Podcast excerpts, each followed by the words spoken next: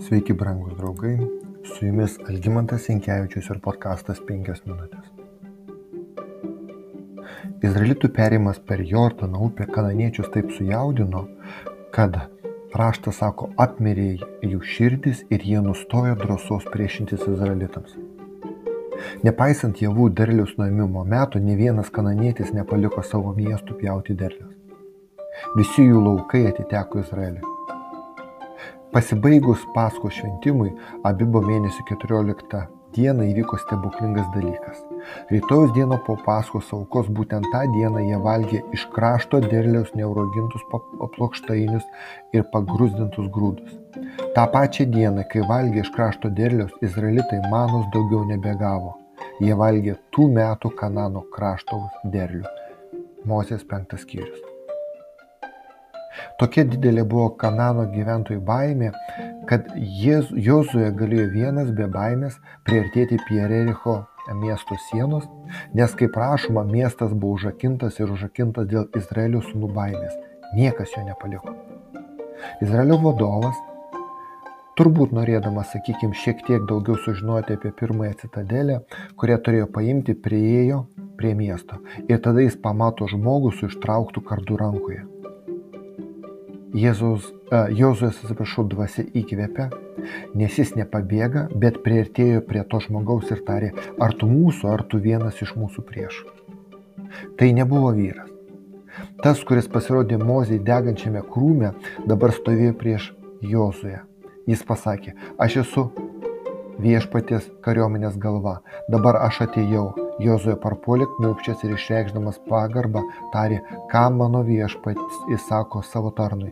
Viešpatės kariuomenės galva atsakė Jozuė, nusiaukoju apvalą, nes vieta, kurioje stovi šventa. Jozuė taip ir padarė.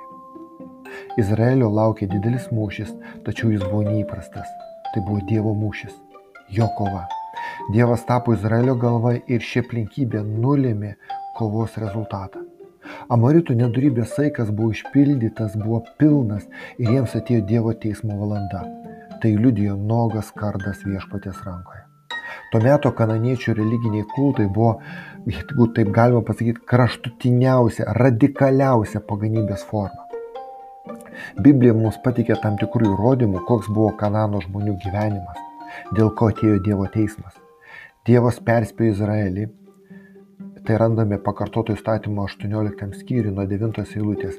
Kai bus įėjęs į kraštą, kurį viešpat tavo Dievas tau duoda, nesimokėsi pamėgdžioti tų tautų bjaurių darbų.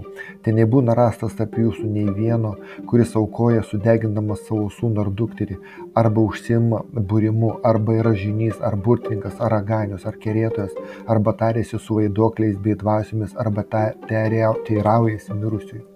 Juk kas tik tokius dalykus daro, tas pasibjaurėtinas viešpačiui, už tokius bjaurius darbus viešpas pašalina tautas tau iš kelio.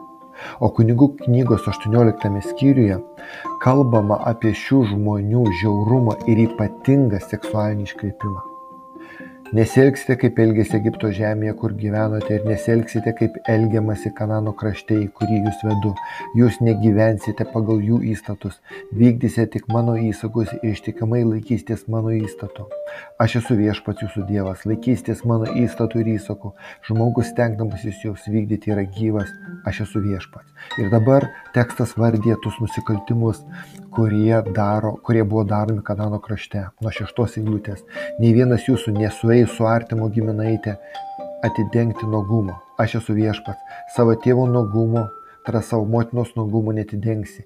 Netidengsi savo tėvo žmonos nuogumo. Netidengsi nuogumo savo sesers. Netidengsi nuogumo savo dukters ar savo dukters dukters. Netidengsi nuogumo savo pamotės dukters. Netidengsi nuogumo savo tėvo sesers. Netidengsi nuogumo savo motinos sesers.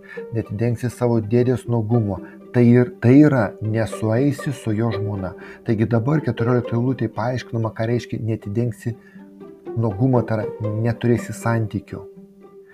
Toliau yra tęsiama, netidengsi nuogumo savo marčios, netidengsi nuogumo savo brolio žmonos, tai būtų ištvirkavimas, neturėsi lytinių santykių su savo artimo žmona. Toliau neleisi, kad kas nors iš tavo palikonių būtų paukotos Molechui ir neišniekinti savo Dievo vardą, aš esu viešpas, nesugulsiu su vyriškiu, tarsi su moterimi, Tai pasibjaurėtina. Neturėsi lytinių santykių su jokių gyvuliu. Toliau, nei jokia moteris leisis gyvuliui turėti su jie lytinių santykių, tai begėtiškas iškreipimas. Nepasidarykite nešvarus nei vienu šių papročių, nes tokiais papročiais susitežusios tautos, kurias išvariau jūsų akise. Tai buvo suterštas kraštas, todėl nubaudžiau jį už jo kaltę ir pats kraštas išvėmė savo gyventojus. Tačiau nemanykime, kad kananiečiai gyveno nesuprasdami, kas yra gerai, ka, o kas yra blogai, lygiai kaip šiandienis pasaulis. Du šimtmečius tarp jų gyveno Dievo žmonės - Abraomas, Izaokas, Jokūbas.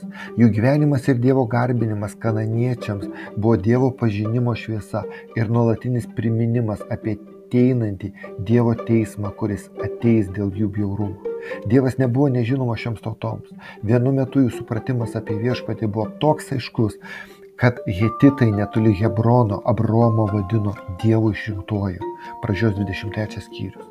Bet dabar jų teismo atpildo laikas atėjo. Brangus draugai, žvelgdami kananiečių nuodėmės, aš asmeniškai manau, kad mūsų šiandieninis pasaulis su savo idėjimus apie moralę, apie etiką labai greitai artėja prie to, kad Dievo teismas bus išliejimas į mūsų žemę.